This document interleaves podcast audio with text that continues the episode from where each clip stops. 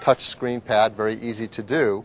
But more importantly, it syncs with your computer all of your contacts. So everyone you know is in here with all their numbers, and I can simply scroll through them and find them.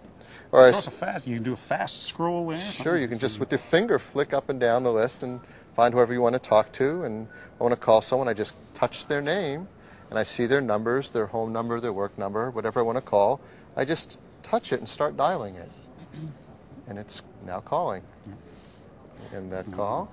And if I want to check my voicemail, I just click voicemail, and we have something entirely new called visual voicemail.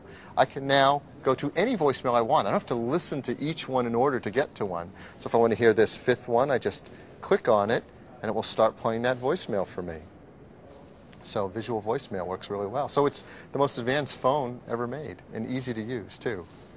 But that's just one of many things it does. Not just a phone. I mean, it's a computer.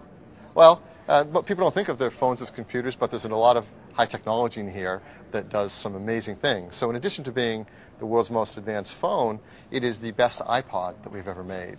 So if I just click the iPod button, I'm now in my music.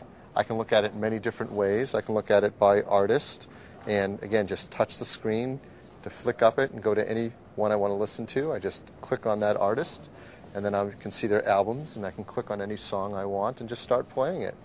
So, so you start playing it there. The album cover comes up. Exactly. The now, album cover what happens if you if you if you turn that? Ah, that's great. If you turn it, we have a sensor in it that automatically notices the rotation and puts you into a mode called cover flow mode, where I can now flick across through my albums and pick any album I want, see the songs on it, select one, and just start playing it. Look it back. You can hear it coming out the speaker, but of course I'll have stereo headphones on it as well. So it is the most advanced iPod that we have ever made. And not just a phone and an iPod. Correct.